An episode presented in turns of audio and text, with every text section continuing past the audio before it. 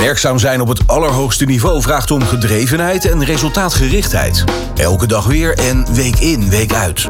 Als overtuigende CEO in het bedrijfsleven, doelgerichte wetenschapper of betrouwbare politicus vervul je een sleutelrol binnen onze samenleving. Je wordt afgerekend op resultaten.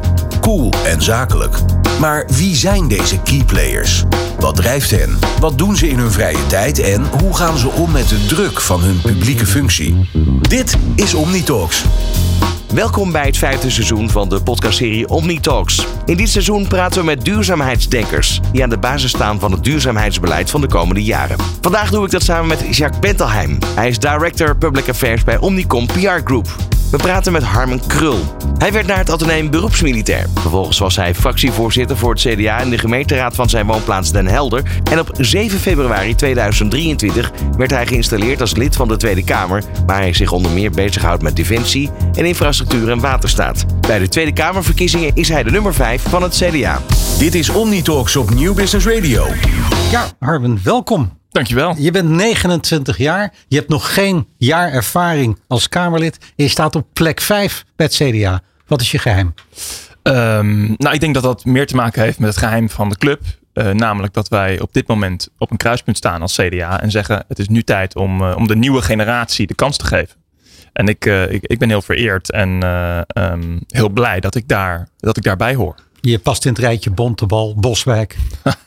nou, uh, nou, ja, uh, en, dan, en dan ik dan maar. Ja, nee, klopt. Dat is, het is gewoon heel leuk om met een jonge club um, aan de slag te gaan bij het CDA.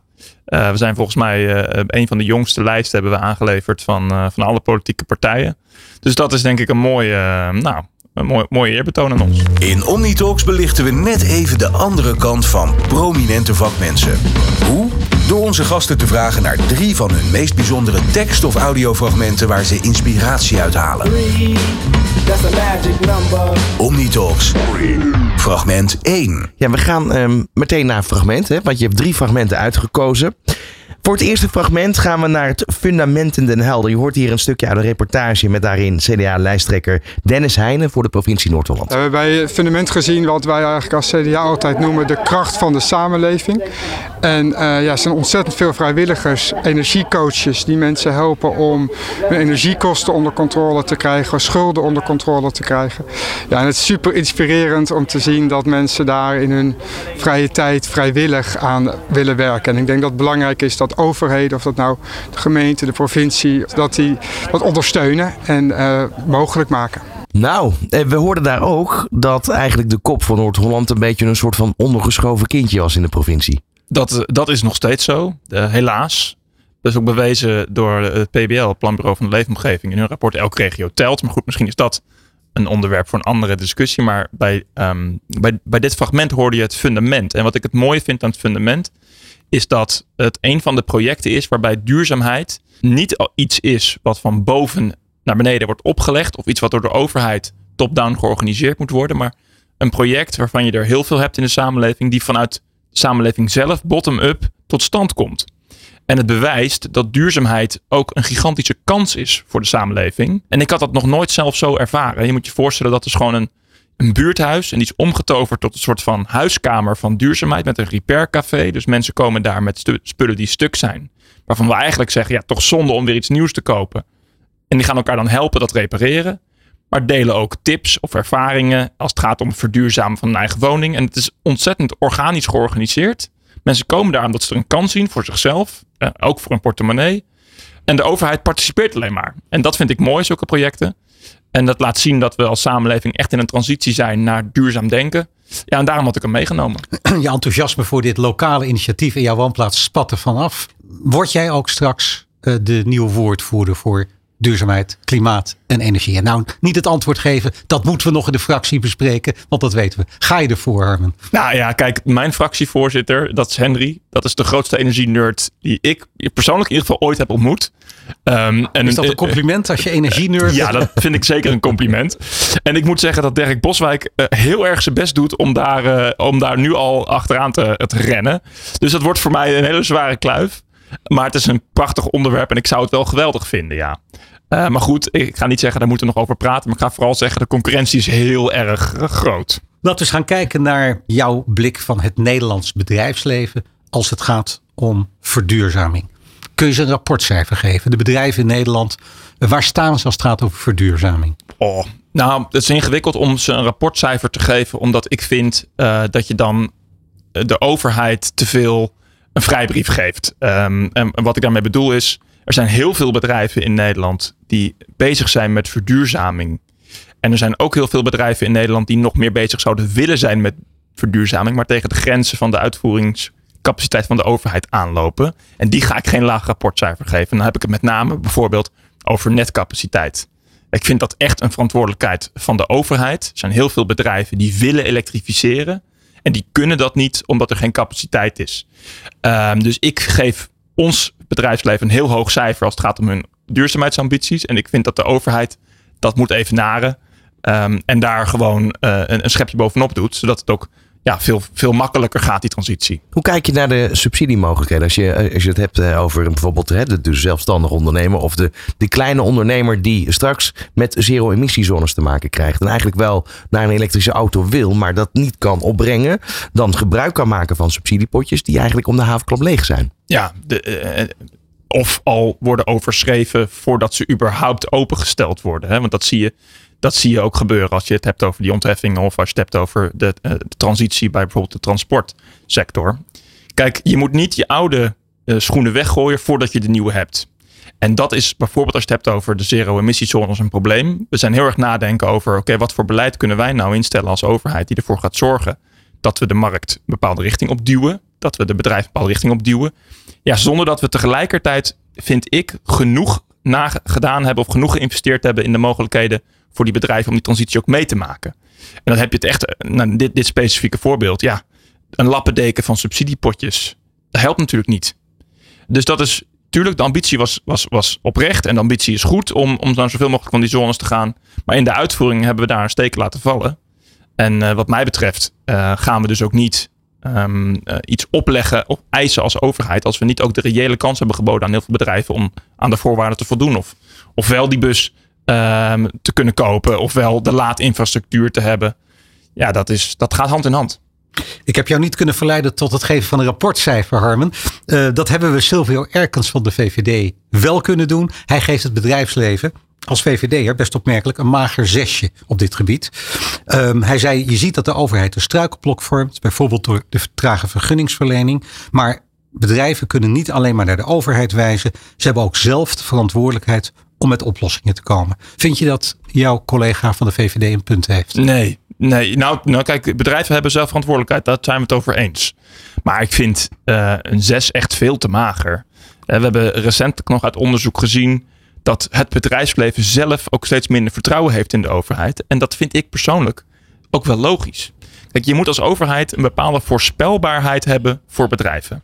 Als je het hebt bijvoorbeeld over de, de, de, de, de, duurzame sector, pak wind op zee. Ja, op het moment dat je zegt, oké, dit zijn de eisen waar een bedrijf aan moet voldoen als zij windmolens willen bouwen. En je gaat vervolgens, net als die windmolens staan, zeggen, oeh, we hebben toch nog even goed nagedacht. En die vogels, die, ja, daar moeten we toch nog even wat meer voor doen. Dus we komen nog even met wat additionele eisen. En dan ben je geen voorspelbare overheid. En dan denkt zo'n bedrijf ook, ja, wacht even, ik heb daar net heel veel geld in geïnvesteerd, moet ik aan nieuwe eisen voldoen. En op die manier, en dit is één voorbeeld, maar er zijn veel meer voorbeelden, bijvoorbeeld de zero-emissiezones, waarbij de overheid niet de randvoorwaarden creëert uh, waarin bedrijven ook echt denken van oké, okay, dit is een veilig klimaat om in te investeren. Die denken oeh, de overheid zwalkt, dan willen ze dit, dan willen ze dat. Ja, dan blijven de investeringen ook achterwege. Um, en dan vind ik het nogmaals onterecht om, uh, om dat in de schoenen van het bedrijfsleven te schuiven. Dus uh, als, als de VVD zegt dat ze een 6 krijgen, dan doe ik daar minstens 2,5 punt bovenop. Een 8,5 is een rapportcijfer uitgekomen. Dankjewel Harmen. Wat moeten bedrijven nou de komende jaren gaan doen wat jou betreft om in te zetten om bij te dragen aan het bereiken van de Parijsdoelen? Wat zou jij een bedrijf, een willekeurig bedrijf, willen zien doen? Nou, ja, en even specifiek deze vraag, want dit, dit komt ook wel weer een beetje de nerd mij naar boven. uh, specifiek de Parijsdoelen. Als je het hebt over, over nou, minder opwarming van de aarde, minder uitstoot, dan zie je dat wij in Nederland eigenlijk een uh, relatief beperkte bijdrage gaan leveren. 0,4 procent geloof ik. Um, en op opwarming van de aarde nog veel minder. Maar wat wij wel kunnen doen, en dat vind ik zo mooi van het Nederlands bedrijfsleven, wij kunnen wel ervoor zorgen dat we een gigantische bijdrage leveren aan het mondiale probleem, aan de mondiale um, oplossingsrichting voor een duurzame wereld. En dat kunnen we doen door groene industriepolitiek te voeren. Dat kunnen we doen door hier de sector en de markt en, en het bedrijfsleven te helpen om koploper te zijn op heel veel gebieden. En op die manier ook weer een exportproduct richting de rest van de wereld in die verduurzamingsopgave. En eh, Duitsland heeft dat gedaan met zonne-energie. Hebben dat heel lang zwaar gesubsidieerd. Ze zijn echt koploper geworden. Ja, wij kunnen dat ook. Um, um, als je het hebt over wind op zee bijvoorbeeld. Als je het hebt over. Dus zijn, ik vind dat de overheid um, uh, dat moet aanjagen ervoor moet zorgen dat we hier de juiste bedrijvigheid hebben die gaat bijdragen aan de groene industrie. En dat we dat als een nou, uh, exportproduct nummer 1 straks over de wereld kunnen, kunnen brengen. Toen je begon met 0,4 dacht ik gaat dit de Forum van Democratie kant op. 0,0000 zoveel. En ja. we moeten niks doen als Nederland. Maar dat is niet echt de partij van jouw betoog. Nee, je moet juist heel veel doen. En je moet verder kijken dan alleen wat wij hier zelf kunnen bijdragen aan de Parijsdoelen. Maar we moeten kijken hoe kunnen wij met onze kenniseconomie er ook voor zorgen dat heel veel andere landen in de wereld hun bijdrage weer kunnen vergroten. Wat me opvalt, ik hoor je eigenlijk niks zeggen over bij wijze van spreken de samenwerking binnen de Europese staten. Zeker. En, en we moeten ook, en we hebben het heel kort gehad over, de, over zonne-energie in Duitsland. Ja, wat daar misgegaan is, toen ze eenmaal die industrie hadden opgetuigd en die koploper was, hebben ze hem los laten gaan, is hij naar China verplaatst. Dus wij moeten denk ik ook Europees denken als je het hebt over ons, onze, onze duurzame markt. Die Europese markt ook beter beschermen. Um, en het op die manier bekijken over de hele wereld. En dan zul je zien dat we nog heel veel stappen te zetten hebben. Um, want China ja, die heeft een gigantische hap van die markt al ingenomen. En daar moeten we ons veel beter tegen weren. Voordat we naar het tweede fragment gaan, dat Ron dadelijk gaat introduceren, nog even een vraag over de wetenschap in dit land. Heb je daar bepaalde verwachtingen, wensen, eisen? Wat zou de wetenschap moeten brengen op het gebied van verduurzaming? Oh, nou, als je het hebt over het snijvlak tussen politiek en wetenschap, dan maak ik mij ernstig zorgen, en dit is een bredere trend dan alleen op het gebied van duurzaamheid, is dat de wetenschap niet langer gepercipieerd wordt als een soort van feitelijke ondergrond waarop wij de discussie voeren. En dat vind ik heel jammer, omdat het niet recht doet en ook niet goed doet aan de democratische discussie die wij bijvoorbeeld in de Tweede Kamer voeren. Uh, dus ik ga de wetenschap vooral een compliment maken in wat ze doen. En ik zou vooral wensen dat de politiek dat ook wat meer als, feit, als, als een feitelijke werkelijkheid percipieert. Natuurlijk, je hebt studies die gaan links en je hebt studies die gaan rechtsom. Maar die, die vermengeling van alternatieve waarheden ten opzichte van, van de wetenschap is denk ik geen goede ontwikkeling. Um, en er, er gebeurt heel veel. Dus dat, uh, nee, ja. Neem de wetenschap serieus. Neem de wetenschap serieus, ja. Dit is Omnitalks op Nieuw Business Radio. Fragment 2. We gaan naar fragment 2. Dat is een uh, tech talk die je hebt uitgekozen van Hannah Ritchie. Zij is een uh, Schotse datawetenschapper, senior onderzoeker aan de Universiteit van Oxford. En hoofdonderzoeker bij Our World in Data. Haar onderzoek onderzoekt de beoordeling van het mondiale voedselsysteem. Gaan even luisteren. If we're nostalgic for a sustainable past to rewind back to, there is none. The world has never been sustainable. Now, I get that that's a controversial statement, so let me explain why. When we think about the definition of sustainability, we might imagine something like this it's having a low environmental impact to protect future generations. And it's true, by this definition, many of our ancestors were sustainable. They did have a low environmental impact. But the reason they had a low environmental impact was the populations were tiny. And the reason their populations were tiny is because half of children died before reaching puberty. Half of children died. That then raises the question is that what we really think sustainability is? Is that the world we want to maintain and preserve, one where half of our children die? I hope your answer to that is no. If we care about human suffering, we need to add another dimension to this. We need to also provide a good life for everyone today. Ja, Harmen, um, dit verhaal is veel gedeeld in de wereld. Ja, en voor mij is dit echt een, een heel belangrijk, misschien wel de belangrijkste boodschap als je het hebt over duurzaamheid en als je het hebt over klimaat. Uh, momenteel wordt het thema heel erg gepolariseerd. En een hele grote groep mensen die brengt vanuit het, negatieve frame. Uh, we gaan er met z'n allen aan. Um, het, einde, het, einde, is nabij. En als het niet door de opwarming van de aarde komt, dan komt het wel door het gebrek aan voedsel. Dan komt het wel. En wat zij eigenlijk zegt is: nou, wacht even. In plaats van het beeld dat wij de laatste generatie zijn die er iets aan kunnen doen, waarom niet het beeld dat we de eerste generatie zijn die een duurzaam leven kunnen leiden? En het beeld wat er vaak opgeworpen wordt dat de generaties voor ons het heel duurzaam deden. Ja, zij zegt dat klopt helemaal niet. Er is nog nooit een generatie geweest die het helemaal duurzaam deed. Ehm, sterker nog, onze footprint per persoon gaat eigenlijk al heel lang omlaag. Alleen we zijn met veel meer mensen. Ehm, de levensverwachting is veel hoger. Vroeger gingen er veel meer kinderen dood. Hè. De helft van, uh, van de kinderen haalt de puberteit toen niet eens. Ja, logisch dat we nu met, met elkaar meer uitstoten. Maar we moeten het niet als een, als een negatief beeld zien, maar juist als een kans. En ik, ik, vind, ik, ik gun het iedereen om deze, pot, deze TED Talk, dat is het, te luisteren. Omdat het een heel hoopvol verhaal is. En dat moet klimaat- en duurzaamheidsbeleid ook zijn. Uh, en daarom vond ik het een mooi, mooi fragment. Um, laten we eens even het verkiezingsprogramma van het CDA erbij pakken. Ambitieus en realistisch klimaatbeleid. Dat is zo'n beetje de eerste woorden die ik vond als het ging over dit onderwerp. Zijn dat verenigbare begrippen, Harmen? Ambitieus en realistisch. Het klinkt bijna als een tegenstelling. Nee, dat zijn zeker verenigbare begrippen. We zijn heel ambitieus. We hebben de afgelopen twee jaar, tweeënhalf jaar ook heel ambitieus klimaatbeleid ingevoerd. Linkse partijen, gaat gewoon even zeggen zoals het is, die, die, die zien er een verdienmodel in om vooral te zeggen dat er geen politieke wil is om iets te doen aan het klimaatprobleem. Dat is onzin. Er wordt ongelooflijk veel gedaan. Kijk bijvoorbeeld naar wind op zee. Wat daar nu allemaal gebeurt. Maar tegelijkertijd is realistisch klimaatbeleid ook uh, een transitie ingaan die niet alleen een eindpunt heeft van ja in 2050 is, is, is, is, dit, hoe we ervoor staan. Nee, je moet ook stappen nemen onderweg. Ik zal maar eentje noemen. Uh, bijvoorbeeld um, waterstof. Iedereen weet dat groene waterstof uiteindelijk de meest duurzame oplossing is. Maar misschien is het wel heel slim om daar onderweg naar groene waterstof toch ook met blauwe waterstof aan de gang te gaan.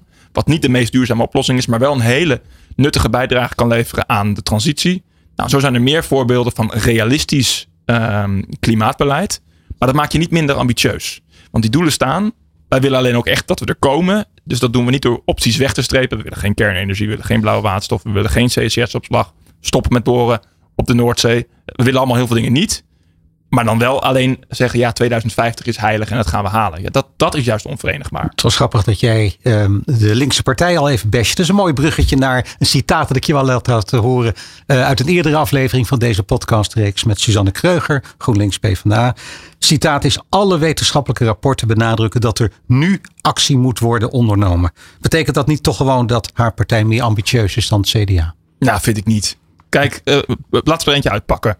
Um, uh, wat GroenLinks PvdA zegt is... Uh, de, de, de degressieve energiebelasting die wij hebben, daar moeten we mee stoppen. Met andere woorden, het is toch te gek voor woorden dat een bedrijf wat um, uh, elektriciteit verbruikt, steeds minder gaat betalen naarmate ze meer gebruiken. Dat klinkt logisch dat dat raar is. Oké, um, maar wat gebeurt er als we in één keer een vlak tarief gaan heffen? Nou, dan gaat zo'n bedrijf zich verplaatsen. Dan krijg je een weglekeffect. En dan gaat de productie, die nu misschien grijs is, blijft grijs over de grens. Terwijl wij het hier groen kunnen doen. Als je een bedrijf wat nu degressieve energiebelasting betaalt op gebruik van gas. Waarvan wij ook kunnen zeggen, ja, dat kan niet de bedoeling zijn. Gaat meer gebruiken, gaat minder betalen. Oké, um, maar kunnen ze elektrificeren? Nee, want we hebben geen netcapaciteit.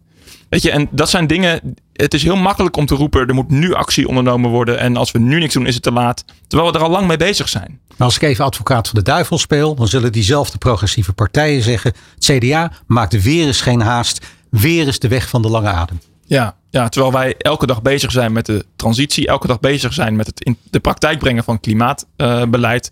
En andere partijen het vooral heel interessant vinden om het probleem steeds groter te maken, maar zelf geen bijdrage te leveren aan de oplossing van morgen. Tijdens de provinciale statenverkiezingen was de discussie rondom 2030. Hè? Dat, was, dat, dat was volgens mij een van de meest voorkomende discussies. Um, we hebben gehoord in het eerste debat bij RTL uh, Frans Timmermans, hè, waarvan gezegd wordt klimaatpauze, heeft het losgelaten 2030. Hoe kijk jij daarnaar? Ja, dat, volkomen logisch. Uh, want het gaat niet alleen om jaartallen noemen en zeggen: oké, okay, het jaartal is heilig. Het gaat om het bereiken van doelen. En 2030 is geen haalbaar doel. Dus nou, was dat een populistisch jaar dan eigenlijk om maar steeds te benoemen in de voorgaande verkiezing? Uh, ik vind dat uh, dat heeft absoluut niet bijgedragen aan de oplossing. Door alleen maar te focussen op het jaartal. En dat is heilig. En niet te kijken van oké, okay, hoe kunnen we nou morgen beginnen? In plaats van alleen maar praten over een, een andere uitspraak van Frans Timmermans trouwens. Waar hij gigantisch veel spijt van gaat krijgen. Is dat hij zegt kernenergie is geen, uh, is geen, alternatief, is geen alternatief voor de toekomst. Daar staat hij redelijk alleen in hè? Er zijn weinig partijen die het daarmee eens zijn. Het deed me heel erg denken aan de uitspraak van Mark Rutte in 2006. Die zei toen windmolens draaien op subsidie. Ehm, en daar heeft hij later spijt van, want dat bleek helemaal niet waar te zijn. Windmolens die draaien niet, niet op subsidie en zijn heel belangrijk gebleken. En ik weet zeker, over een paar jaar dan, dan kijken wij terug. Timmermans 2023, kernenergie is niet een, uh, een alternatief in een energiemix. Is een fout, want dat gaat, uh, dat gaat wel zo zijn. Um, redelijk recent, in oktober, werd er een motie ingediend door GroenLinks, D66 en Partij voor de Dieren. Waarin het demissionaire kabinet werd gevraagd om scenario's op te stellen voor de afbouw van de fossiele subsidies. En uiteindelijk heeft het CDA, maar wel na een heel flinke innerlijke worsteling, voor deze motie gestemd. Um, maar wel met de kanttekening van jouw collega Dirk Boswijk. Je weet waarschijnlijk al waar ik naartoe ga, Harmen. Dat hij er moeite mee heeft dat Extinction Rebellion de motie gebruikt als een soort rechtvaardiging voor eventuele nieuwe blokkades van de A12. Dat neigt volgens hem naar chantage. Zijn dat niet heel grote woorden? Um, nou, Kijk, uh, even, twee even, twee dingen scheiden. Eén, ik vind dat je niet uh, op een snelweg moet gaan staan demonstreren op het moment dat je herhaaldelijk verzocht wordt om dat niet te doen. Weet je, dat, dat mag niemand niet, wat je belang ook is.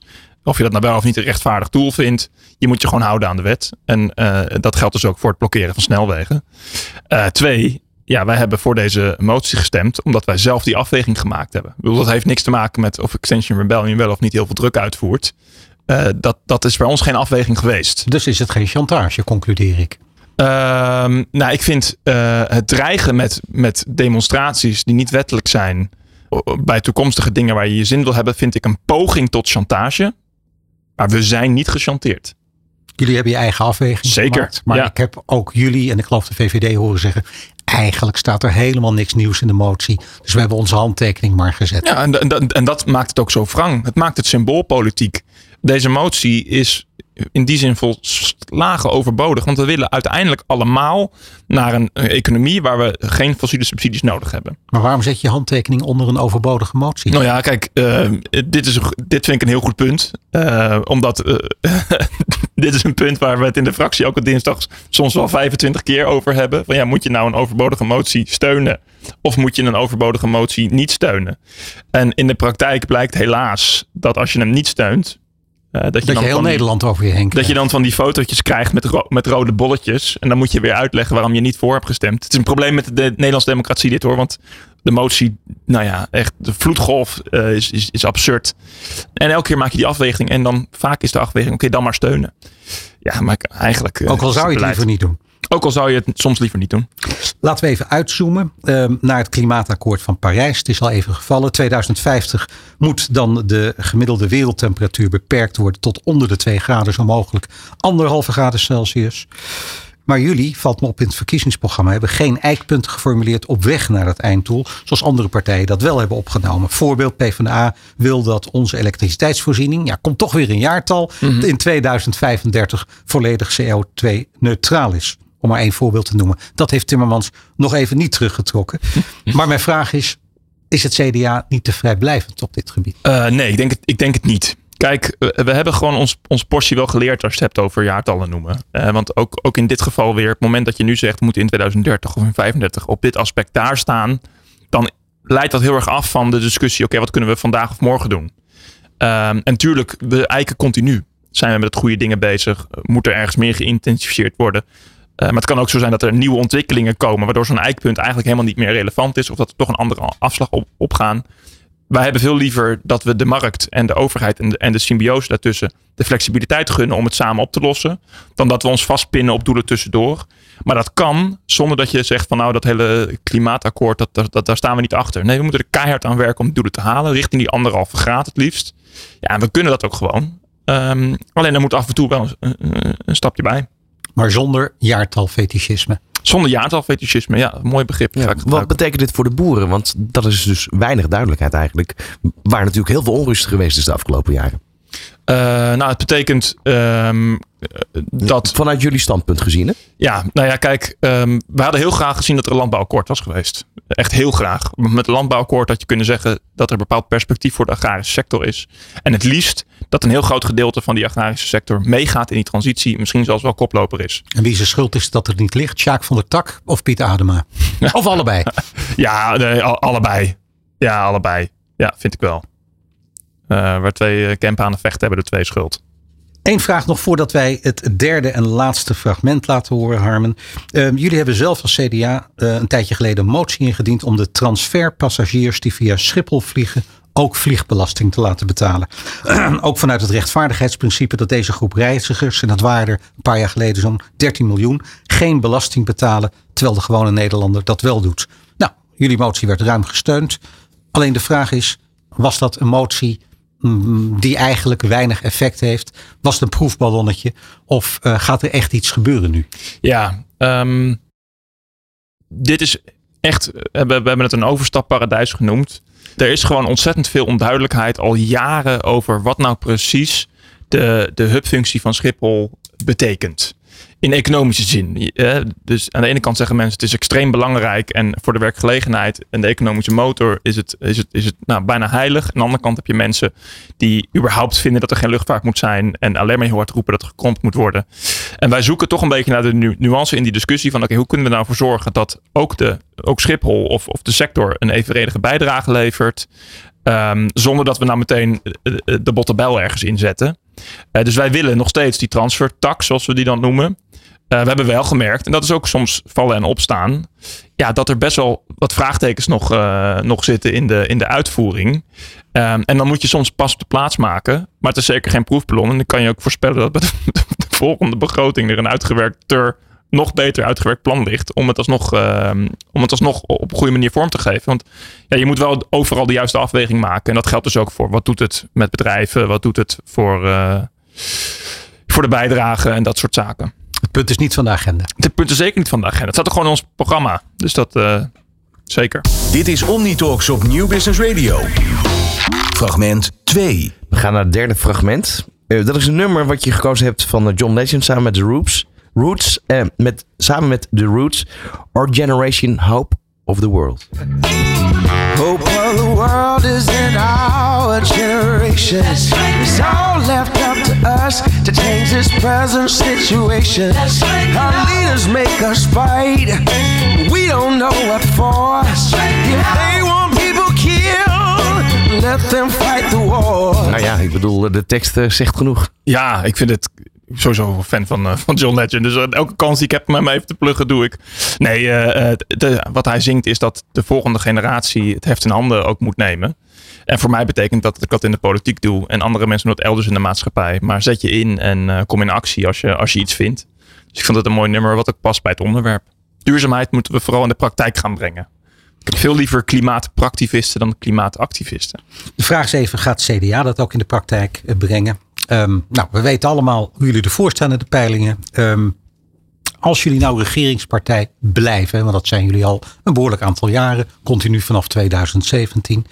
Met welke partijen kunnen jullie het beste zaken doen op dit specifieke gebied, verduurzaming? Nou, ik gun ons eigenlijk een keer een periode zonder regeringsdeelname. En ik denk ook dat dat, uh, dat, dat voor ons heel gezond zou zijn. Pas op de plaats? Ja, natuurlijk. Kijk, uh, we hebben de afgelopen 13 jaar met één kleine vakantie uh, tussen Rut 3 hebben we uh, continu geregeerd. En dan op een gegeven moment raak je ook gewoon een deel van je eigen identiteit kwijt. dat is gewoon zo, zeker als junior coalitiepartner. En er zijn heel veel thema's waarvan wij nu zeggen, daar moet iets veranderen. Waarvan andere partijen dan zeggen, ja, maar jullie waren er toch bij? Ja, we hebben ook gewoon te weinig teruggeduwd op heel veel thema's. We hebben te weinig ons eigen geluid laten horen. Dus voor het CDA zou het heel goed zijn om een keer uh, niet mee te doen aan een regering. Um, en als het wel zo uitloopt, dat, nou, je weet nooit hoe het loopt. Stel je voor dat je toch in een regering moet, dan moet je met partijen aan de slag. Die, uh, die vooral, uh, nou nee, eigenlijk dan maar een compliment maken. Er zijn maar heel weinig partijen die niet bezig zijn met duurzaamheid. Ik kan ze raden, maar noem ze eens. Nou ja, de, de, de, de PVV en Vorm voor Democratie hebben daar Hebben jullie ook mee. uitgesloten volgens mij, hè? Ja, en, en ik vind ook het verhaal van de BBB heel slecht. Uh, als je het hebt over duurzaamheid. Uh, en die zeggen bijvoorbeeld, nou dat wind op zee hebben we helemaal niet nodig. Kan helemaal niet. Uh, terwijl wind op zee echt cruciaal is voor een goede energiemix. Maar uiteindelijk moet je met z'n allen er toch wat van maken. Dus ik denk dat je met heel veel partijen er wel, er wel op kan samenwerken. Maar um, ik hoop gewoon een keertje niet met CDA. Uh, het is best een on-CDA-achtig geluid. Want jullie zijn een echte bestuurderspartij. Hebben heel lang geregeerd. Ja, tijdens Paars niet. Inderdaad, ja. ook het kabinet dat jij noemde. Uh, maar het kan toch zijn dat jullie nodig zijn voor een meerderheid. Ja, dat, dat kan altijd. Dat, daar ga ik dan heel politiek correct nu geen uitspraken over doen. Maar het zou altijd kunnen. Maar wat ik zeg is, ik gun ons even een paar jaar aan onszelf bouwen. We hebben ook gezien, nou ja, laat ik zo zeggen, dat hebben we ook gewoon nodig als partij. En, ehm, en, en, en je weet nooit hoe het loopt en wat er nodig is om het land bestuurbaar te houden. Maar dit is denk ik wel een gezond uitgangspunt. Pieter Omzicht, ex-CDA, staat uh, hoog in de peilingen momenteel. Hoe kijk je daarnaar? Ja, dat uh, met, een, met een uh, lach en een traan. Hè? Dus de, enerzijds is Pieter toch heeft een heel groot gedeelte van het CDA-gedachtegoed op een prachtige manier vertaald. En daar is ontzettend veel, uh, daar, dat beklijft bij heel veel mensen.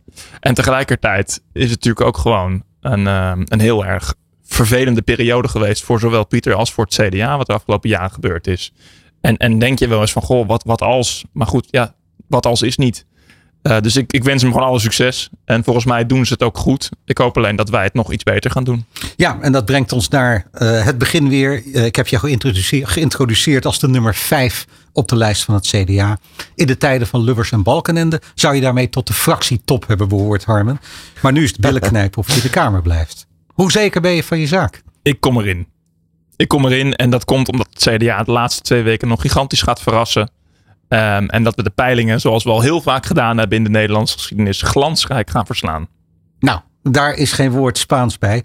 Um, mocht je op 22 november echt gekozen worden, welk nummer zet je dan op om dat te vieren? Dan zet ik op I Will Survive.